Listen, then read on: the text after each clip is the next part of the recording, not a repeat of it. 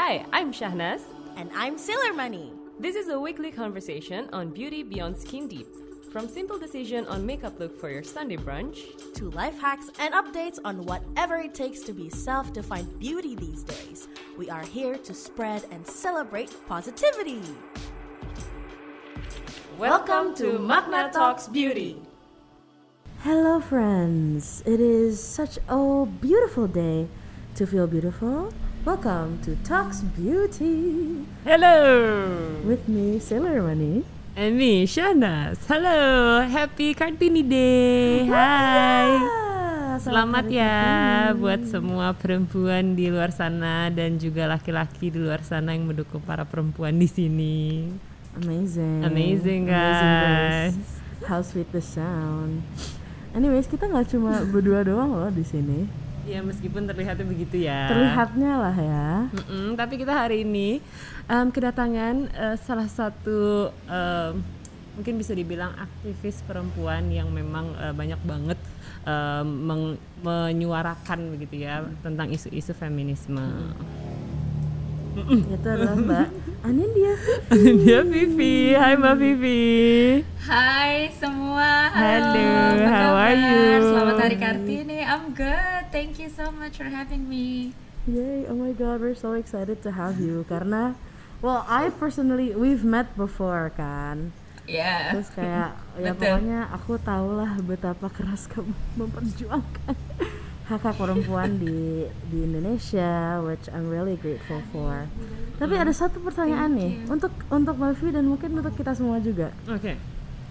Apa yang kamu paling suka of being a woman? What do you like most of being a woman? oh that's a hard question. that's a hard question. is. Um, I don't know. I think apa ya? What What do I like the most of being a woman? Kayaknya mungkin in a sense itu aku rasa nggak cuman things that I like, but also things that I don't like adalah karena I think perempuan itu punya perseverance dan juga endurance yang menurut aku luar biasa banget karena kembali lagi there is a long history of being discriminate and being oppressed yang akhirnya membuat kita punya skill bukan skill apa ya kayak life experience dan juga tadi ya skill itu sendiri yang akhirnya membiasakan kita untuk being super apa ya we we endure a lot of stuff but somehow we're still preserved dan super strong and you know facing this life you know kayak gitu sih menurut aku that's what I like being a woman Jadi kalau misalnya lo Apa? What do you like most about being a woman? Em, kalau gua yang gue suka banget eh, jadi perempuan adalah gue bisa mandi lama dan nggak ada yang ngejudge. Emang iya ya? nggak tahu. Kalau gue sih merasa begitu. Kalau laki-laki soalnya kayak suami gue tuh mandi tuh cepet gitu kan. Terus kayak nggak scrubbing nggak ngapa-ngapain. Gue tuh suka banget ada di kamar mandi lama-lama. Terus kayak pakai skincare terus kayak mem- apa ya benar-benar menikmati waktu gue di dalam kamar mandi Oke. itu adalah hal paling gue sukai sebagai perempuan Wow. kalau lo Gue Enggak, gue masih mencoba memproses. Hah?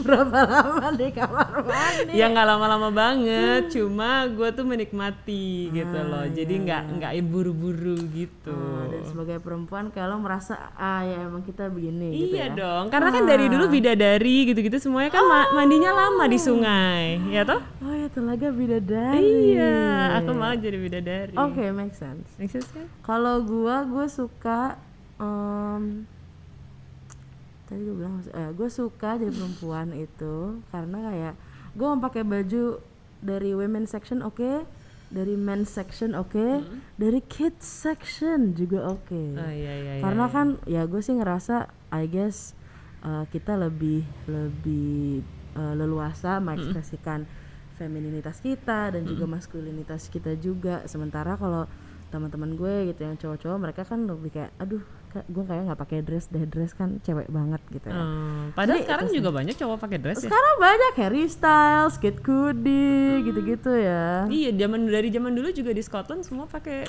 pakai rok betul banget. Tapi ya eh, kalau misalnya ngomongin tentang baju dan mandi dan segala macam kayaknya that's just like the everyday thing uh, away from what's really going on sih menurut gue.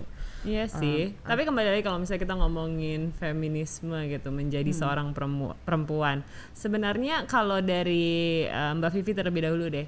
Pengen tahu deh sebenarnya feminisme menurut Mbak Vivi itu apa sih? Hmm, Oke, tapi mungkin sebelum kita ngomongin tentang menurut aku feminisme apa, sebetulnya nggak ada salahnya sih kita ngomongin kayak what's going on in our daily life, karena kembali lagi karena nyambung ke isu feminismenya itu sendiri, aku rasa kayak orang selalu beranggapan di saat kita ngomongin atau kita mengkritik hal-hal yang simpel kayak tadi ya kayak the way that women and men dress, for example kayak how toxic, you know people has expectation on how we should be dressed atau bagaimana kita harus menggunakan pakaian dari laki-laki maupun perempuan itu adalah hal kecil yang selama ini orang nggak berpikir bahwa that's sexist jadi dan itu kayak bener-bener mempengaruhi how we actually express ourselves. Aku sama Gemat kayaknya tiap kali kita apa namanya uh, bah- bah- apa namanya berdiskusi di F- apa webinar or talk show pasti mau nggak mau kita pasti akan nyerem- nyerempet-nyerempet tentang ini sih kayak fashion expectations towards gender dan segala macam. Jadi aku rasa kayak yang uh, apa namanya that's also something that we need we we should be able to criticize as well. Karena kalau menurut aku aku paling suka definisi feminisme itu sebetulnya yang ditulis oleh salah satu penulis uh, apa namanya aktivis feminis kulit hitam dari Amerika yaitu Bell Hooks. Dia menyebutkan bahwa feminisme itu adalah sebetulnya sebuah gerakan yang menolak seksisme seksisme ini uh, Bell Hooks dia tidak apa namanya ya beliau tidak menyebutkan gender sama sekali dalam definisi feminismenya. Karena kembali lagi di saat kita ngomongin seksisme itu bisa menyerang siapa pun baik itu kita sebagai seorang perempuan laki-laki atau kita yang memilih untuk tidak mengidentifikasikan diri kita sebagai laki-laki atau perempuan. Jadi seksisme itu berakar dari tadi ekspektasi-ekspektasi masyarakat yang tadi kayak hal-hal kecil misalkan kayak tadi mungkin uh, Kak Syahnas tadi sempat ngomong tentang kayak oh kalau perempuan itu nggak dijudge kalau kita pakai skincare kita pakai apa kita mandi lama-lama. Tapi sedangkan kalau laki-laki sekarang sih kayaknya udah mulai shifting ya the idea of men you, apa namanya pakai skincare dan segala macam. Dan thanks to pop culture juga sebetulnya. Cuman kembali lagi uh, apa namanya uh, betul juga bahwa apa yang di saat kita bicara feminisme seksisme itu yang kita sebutkan tadi sebetulnya ada cuman di level surface-nya aja tapi di saat kita masuk lagi ke dalam seksisme itu akhirnya me- menyebabkan banyak sekali diskriminasi yang uj- yang asalnya atau akarnya itu adalah seksisme itu sendiri itu sih definisi feminisme kalau aku maaf ya agak berat Semua yang diem gitu. Ya, Ya, ya. kayak kalau Tapi ngomongin emang feminisme tuh agak gimana ya? I mean there are so many apa namanya ya simple stuff yang bisa kita kritik dengan Hmm. perspektif feminisme tapi memang mau nggak mau kita nggak boleh kayak tadi Gemat bilang nggak boleh left out what's actually apa namanya what that problem what that sexism like that small sexism leads to the actual problem kayak gitu sih bener bener bener bener bener. Aku setuju, setuju. Aku setuju banget sih, karena emang kalau ngomongin feminisme kita nggak bakal ngomongin santai gitu ya, susah sebenarnya gitu, karena memang banyak sekali eh, hal-hal yang kita temuin yang sepertinya sampai detik ini memang masih seksis gitu, pengelompokannya begitu dan kita nggak sadar dari lahir sebenarnya memang sudah dikelompokkan demikian ya nggak sih Mat? Iya betul banget. Kayak sesimpel kalau misalnya bayi perempuan lahir em, selimutnya pink.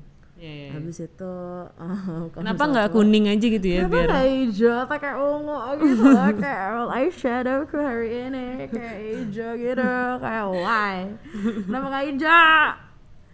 Eh tapi ya itu lagi sih again kayak ekspektasi masyarakat terhadap beda jenis kelamin di manusia itu adanya kan di gender ya karena gender itu kan suatu konstruksi sosial yang ujung-ujungnya bisa apa ya menempatkan atau mengkelompok-kelompokkan manusia kayak enaknya lo em, mendukung masyarakat dengan cara ini. Dan lo mendukung masyarakat dengan cara ini. Iya yang kayak apa ya banyak juga yang nggak nggak adil sih. Em, again eh, sexism jadi kayak mendiskriminasi. Iya. ada kesannya ada eh, jenis kelamin yang lebih lemah atau lebih tidak like Dominan. not deserving. Iya. basically and that's what I what I don't like. Tapi kalau gue sendiri feminism I think is the equal opportunities Iya.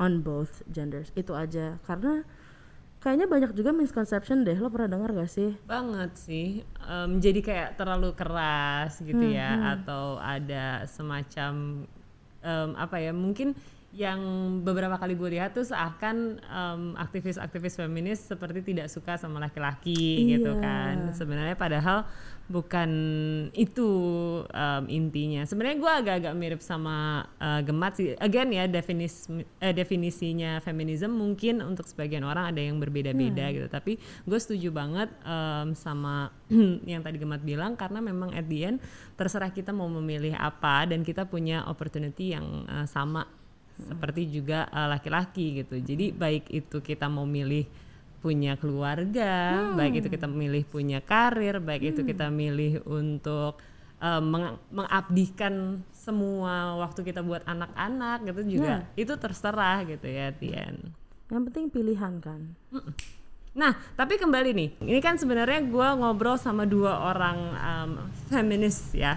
Eh, sebenarnya Mbak Vivi eh, pengen tahu deh, eh, se- pertama kali lo merasa eh, identitas lo sebagai feminis itu em, kuat itu eh, kapan dan gimana tuh prosesnya?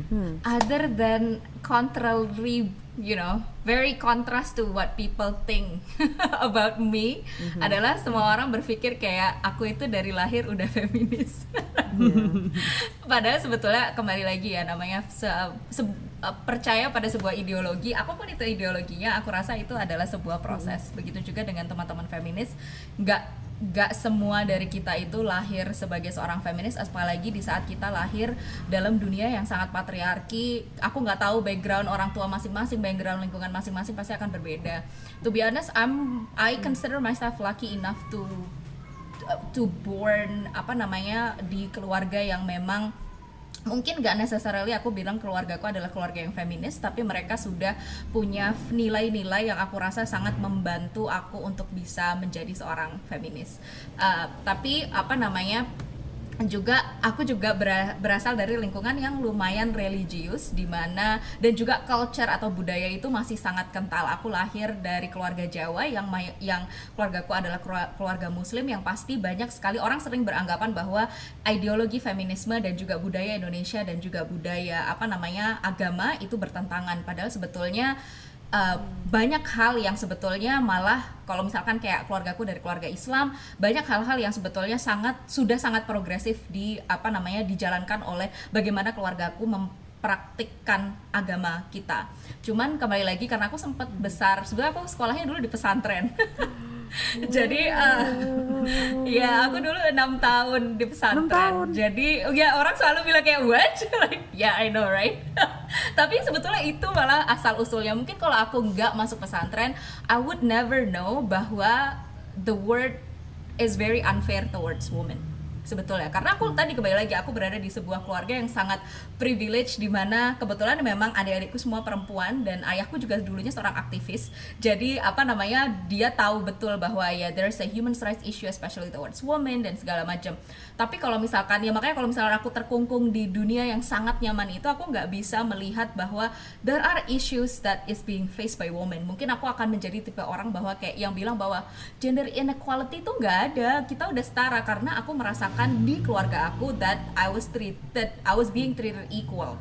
Kayak gitu kan. Tapi aku I'm not saying all pesantren are like this tapi pesantrenku itu dulu memang kerasa banget kayak there's like a very different level of opportunities that is being given towards male students compared to female students. Sesimpel kayak fasilitas yang diberikan Hmm. kepada aku misalkan kayak asrama laki-laki dulu punya lapangan basket, kantinnya besar, terus apa namanya ada lapangan sepak bola, ada tempat buat kayak main musik dan segala macam. Sedangkan asrama perempuan kayak cuman satu rumah and that's it. Kayak kita kalau misalkan mau pakai ya Ah. exactly kayak gitu, benar kayak gitu. Dan one of the things that I was really kayak sangat-sangat ngerasa that I was really being discriminated as a woman adalah karena mohon maaf ya agak nyombong dikit jadi dulu aku tuh sangat berprestasi Asik. jadi tuh kayak Nggak apa-apa kayak- dong, boleh dong. sangat sombong berprestasi. kayak gitu boleh. kayak aku tuh jadi tuh aku tuh sering ikutan kayak olimpiade science apa namanya apa namanya lomba debat bahasa Inggris dan segala macam and most of the time I won the competition tapi di saat kita perempuan yang menang I know right like yeah apa namanya uh, dan di saat kita perempuan nggak aku doang sih kayak misalnya ada teman-teman kalian yang perempuan yang menang we were never being called up up on- to on the stage and being like dan dikasih tahu bahwa hey we have students here who won like international competition. Like nobody ever like invite us women. Ada satu saat di mana I was winning like this music competition. Dan waktu itu kan ada yang aku sebagai seorang perempuan terus ada teman-teman aku lain yang uh, laki-laki yang datang tapi they didn't win. Tapi yang dipanggil ke panggung adalah laki-laki yang nggak menang sedangkan I was there di saat upacara gitu. I was just like What? what? I was I'm the one who get the trophy. Was just kayak gitu. And I was just like, what? Udah kayak gitu. Jadi kayak kerasa banget dan di situ I was just like, what? This is like this is like it's like a very weird experience di saat aku benar-benar merasa kayak nggak being appreciated padahal kita yang membawa semua Yeah. segala macam apa uh, prestige ke sekolah dan segala macam tapi I think the biggest turning point buat aku adalah di saat waktu aku zaman kuliah mungkin teman-teman tahu KKN ya maksudnya kita kayak ke desa dan membantu teman-teman yang ada di desa dan segala macam Uh, apa namanya waktu itu kebetulan aku mahasiswa hukum jadi kita memberikan uh, programku adalah memberikan penyuluhan uh, legal apa advice secara gratis. Kita ngundang dosen dari kampusku waktu itu. Padahal itu waktu itu kalau nggak salah nggak di daerah-daerah banget jadi apa namanya kita aku waktu itu di Magelang dan Magelang itu kan masih belum daerah banget ya tapi emang di desanya. Uh, waktu konsultasi hukum semua orang kayak most of the consultation like the issue adalah sebetulnya harta waris atau misalkan kayak tanah dan segala macam. Kalau orang ngelihat kayak cuman harta waris atau tanah, we would never think that this is a woman's issue. Tapi di saat kita gali lagi ke dalam, kenapa kok bisa sampai sengketa? Karena mostly adalah yang mengalami tadi ya, mengalami kayak tadi yang punya sengketa ini, misalkan ternyata dia itu nikahnya nikah siri. They don't have apa namanya legal uh, apa namanya security untuk bilang bahwa this was my husband dan segala macam. One of the reason kenapa mereka nikah siri adalah karena mereka dinikahkan saat mereka usia 12 tahun, 13 tahun. So it was it should it should be kayak ya harus gak, gak bisa didaftarkan ke KUA misalkan kayak gitu karena tadi ha- mereka di bawah umur. So at that point uh, di saat aku mengalami itu di saat aku berada di situ I was really kayak wow isu yang aku alami di kota it was nothing compared to this. It was not life and death experience for me, tapi buat ibu-ibu atau mungkin anak yang punya anak di desa ini, it's a life and death experience. Di mana mereka tadi ya sangat rentan terhadap ya child and mother mortality, kematian ibu dan anak yang sangat tinggi. Belum lagi ya kekerasan dalam rumah tangga karena misalkan age gap antara laki-laki dan perempuan itu sangat jauh, jadi relasi kuasanya tuh kerasa banget jadi that's that's that's my turning point uh, dan di situlah aku mulai belajar banyak tentang feminisme karena itu sebetulnya itu Oke oke, kebayang sih. That's some hard ya Iya. right there. banget sih bener-bener isu yang kita alami sebenarnya untuk turning point untuk kita bisa bilang kita sebe- adalah feminis tuh masih jauh banget sebenarnya dari apa yang emang harusnya kita bisa perjuangkan Ya, sih? betul banget. Gue juga merasa dari tadi sih relate ya, kayak nggak semua orang tuh lahir sebagai feminis karena kita terlahir dalam masyarakat yang patriarkal. Gue pun dulu I was a misogynist girl, I hated women. Tapi ya again gara-gara ada masalah yang apa ya saat lo mengalami inconvenience sebagai cewek dibandingin sama cowok tuh lo ngerasa ini nggak adil coy bener bener bener. Bener. tapi menurut gue sebenarnya semua orang punya kadar feminismenya mereka masing-masing ya. Yeah, that's very dan true. kadang ada yang lebih besar ada yang lebih kecil gitu. Dan bahkan se- di laki-laki pun juga gue yakin em, eh, banyak gitu yang mempunyai kadar feminisme. Dan gue sih bisa bilang kalau gue memilih laki-laki yang juga sangat menjunjung tinggi em, harga diri dan hak semua Yeah. perempuan dan itu yang menurut gue jadi sangat penting ketika lu memilih pasangan hidup harus yang syncnya uh, Sama. Iya, sama betul, value-nya juga sama Bener banget. Dan again it's a process kan kayak aku bilang tadi nggak semua orang langsung woke gitu kan kalau bahasanya sekarang langsung woke gitu kan enggak pasti. Iya. aku pun juga kembali lagi karena tadi ya berada dalam lingkungan. Kan lingkungan itu nggak hanya keluarga mungkin oke keluargaku udah lumayan gitu walaupun masih ada lah value-value yang aku rasa uh, misalkan kurang cocok dengan apa yang disebut feminisme sekarang. Tapi again it's a process gitu. Kayak banyak sekali hal-hal yang setiap hari kita mencoba untuk melihat dan melepaskan bias-bias itu sih. Jadi jadi it's okay to not knowing. Yang nggak oke adalah di saat lo tuh ignorance gitu. It's okay to ya ya kalau di saat kita nggak mau tahu dan segala macam that's dangerous. Tapi di saat kita understand bahwa oh this is something that I didn't know then maybe this is something that I should learn more that's completely fine gitu. Karena again it's a process. Bener sih. Bener sih. Karena memang em, eh, ada juga persepsi kayaknya di masyarakat kalau jadi feminis tuh harus galak harus kenceng gitu ya It's- padahal enggak itu juga itu gitu. itu menurut aku kembali lagi that's that's a very sexist way to comment on femininity kayak berkali-kali Iya. aku selalu bilang it's it's like one of the biggest stereotype tentang feminis adalah feminis itu uh, apa namanya nggak bisa menata diri in terms of kayak you know face apa appearance dan segala macam feminis tuh pasti nggak peduli sama apa namanya uh, hygiene-nya mereka even like to that point dan segala macam. Karena tadi ya mungkin uh, apa namanya tadi stereotype itu. Dan kedua adalah feminis itu biasanya suka marah-marah.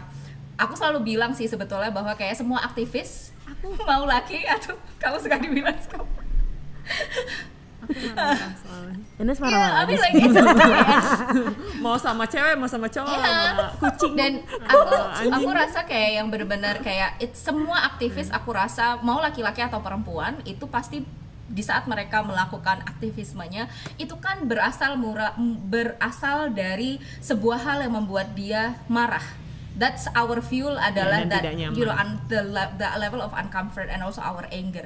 The problem adalah orang itu seksis. Kalau misalkan laki-laki yang marah they think like that's what men do. Tapi di saat ada perempuan yang probably kita nggak marah but Betul. we're just saying that we can't take this anymore. People just is like you are out of your place. Like you shouldn't be protesting. Like you just have to endure. Kayak aku bilang tadi kan di awal. Preach bahwa kayak yang you just have to endure. And I dan setiap kali kenapa sih Vi kalau feminis marah-marah terus? And I always come back saying Yeah. like how can I not be angry di saat every single day Yeah, gue yeah, keluar yeah. rumah there must be someone who cat calls me on a daily basis. How Yeah, yeah, how yeah. should I Betul, be betul. composed and smile and wave? Like no I can't.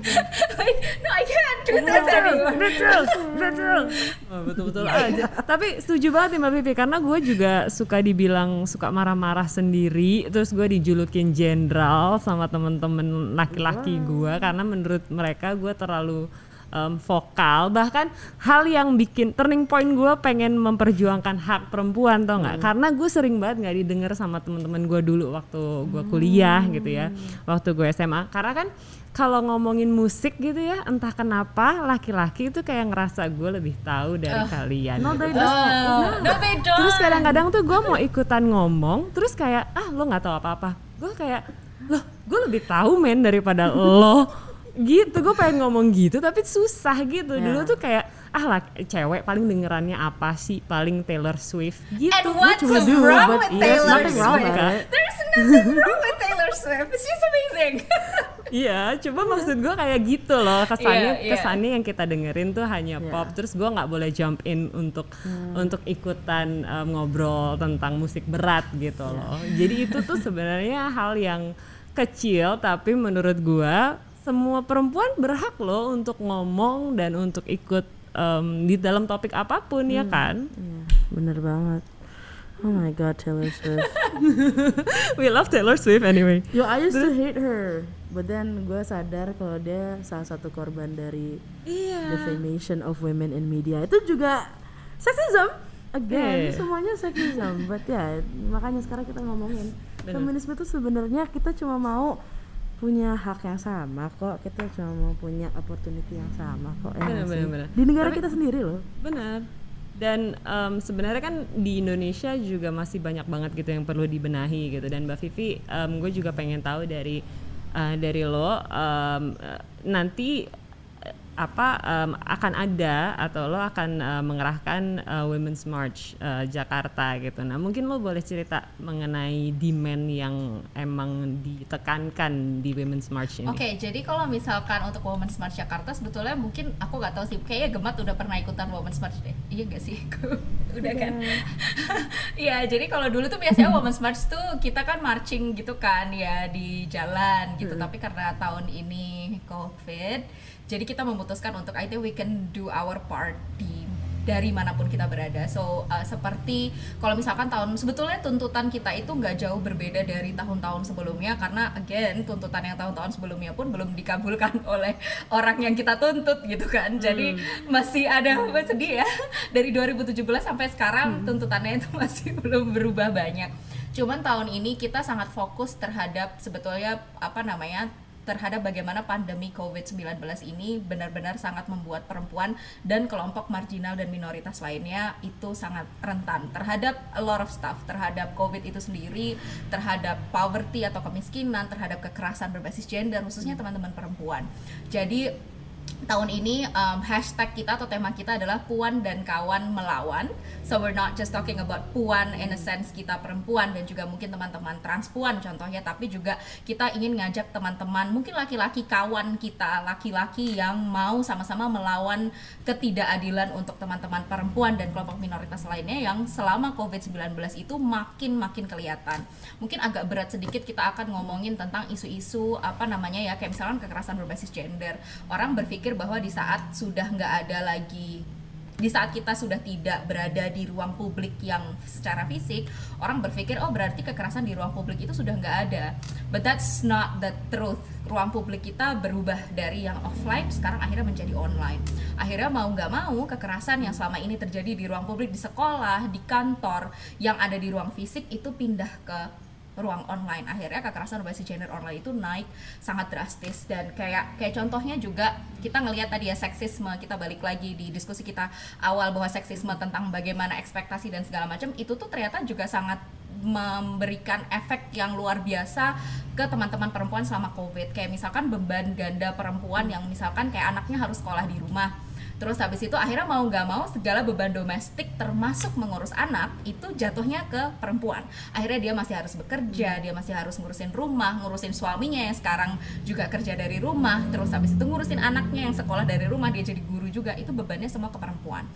PHK misalkan kayak misalkan banyak kan waktu covid itu banyak ngekat either ngurangin gaji, ngekat karyawan dan segala macam efeknya itu paling banyak ke perempuan karena orang beranggapan bahwa pendapatan perempuan adalah secondary income bukan income yang utama. So people think that if I fire women, they will still have income from their husband. Padahal that's not the reality. There are so many women yang mungkin kayak I mean I don't have husband. Coba maksudnya like for example, there's like my mom is a single parent. Kalau misalkan dia dalam posisi dia bekerja dan people think like your income is not the main income because you're a woman that's completely wrong. Dan itu tadi efeknya dan itu ternyata sangat ber sangat memberikan efek yang luar biasa kepada kerentanan perempuan itu sendiri. Begitu juga dengan kekerasan berbasis gender kekerasan dalam rumah tangga misalkan.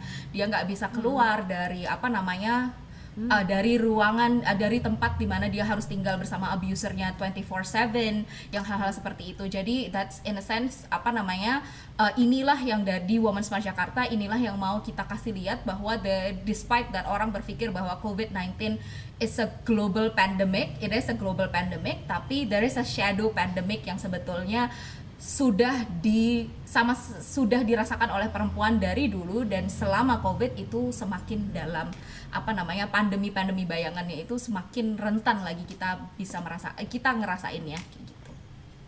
berat ya gue merasakan gue tapi mbak Vivi maksudnya kayak kemarin tuh juga aku ngelihat kayak tingkat KDRT-nya naik Iya. masa yang gitu-gitu tuh benar bikin sakit hati banget Iya, deh. dan- so I feel iya. like I'm glad sekarang Women's March Jakarta lagi ngangkat banget isu-isu yang lumayan urgent ya menurut cukup gue juga sangat malah ya Ya, dan sangat Ya urgent dan kayak the way that our apa country response ke COVID itu sama sekali nggak memperhatikan isu ini.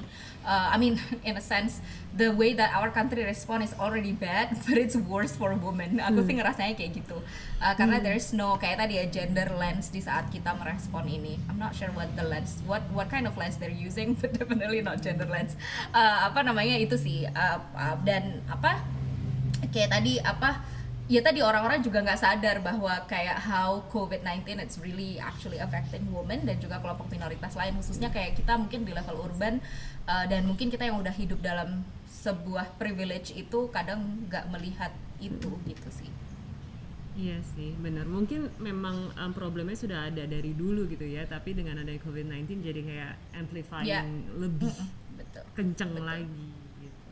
Dan ya ini penting banget sih untuk um, kita perempuan, tidak hanya perempuan ya mungkin di luar sana juga banyak laki-laki yang juga tergerak untuk Yes. menyuarakan um, suaranya, meminjamkan suaranya untuk hak perempuan dan itu keren banget juga. Tapi pengen tahunya nih Mbak Vivi kalau um, misalnya kita tidak bisa ikutan uh, Women's March-nya, apa sih yang bisa kita lakukan gitu di, di, uh, rumah dan di apa yang kita lakukan sehari-hari untuk um, mensupport uh, semua apa ya uh, tuntutan-tuntutan dari Women's March ini? As simple as menurutku adalah keep educating yourself about the issue. I think it's also very important. Orang suka lupa bahwa kembali lagi it's need it needs a process kan. Jadi kita aku pun sampai sekarang masih tetap belajar tentang banyak isu karena kayak tadi di di Women's March itu kan nggak isunya macam-macam. Ada tentang lingkungan juga tentang agraria eh, tentang apa namanya misalkan eh, toleransi beragama misalkan atau kepercayaan itu sendiri. I'm not expert in a lots of stuff. So this is ini menurut aku salah satu platform atau salah satu cara di mana kita bisa lebih aware kayak misalkan oke if you cannot join Women's March walaupun sebetulnya it's gonna be very simple karena kita akan ngelakuinnya online jadi nanti akan ada apa namanya semacam teman-teman diajak untuk bareng-bareng misalkan kayak nonton konser online kita atau misalkan kayak ngepost apa tuntutan apa sebetulnya yang kamu mau and then post it on social media. It's just as simple as that. Sebetulnya kita bisa sih semuanya sama-sama untuk uh, ngelakuin itu. Tapi other stuff mungkin kalau misalkan memang ada kendala-kendala lain yang teman-teman akhirnya tidak bisa datang ke konser online atau ngepost apa namanya tuntutannya as simple as educating yourself. Kalau misalkan kita nggak tahu isu tentang lingkungan then find someone atau read more books atau join a lot of webinar or listening to podcast kayak Magna Talk misalkan.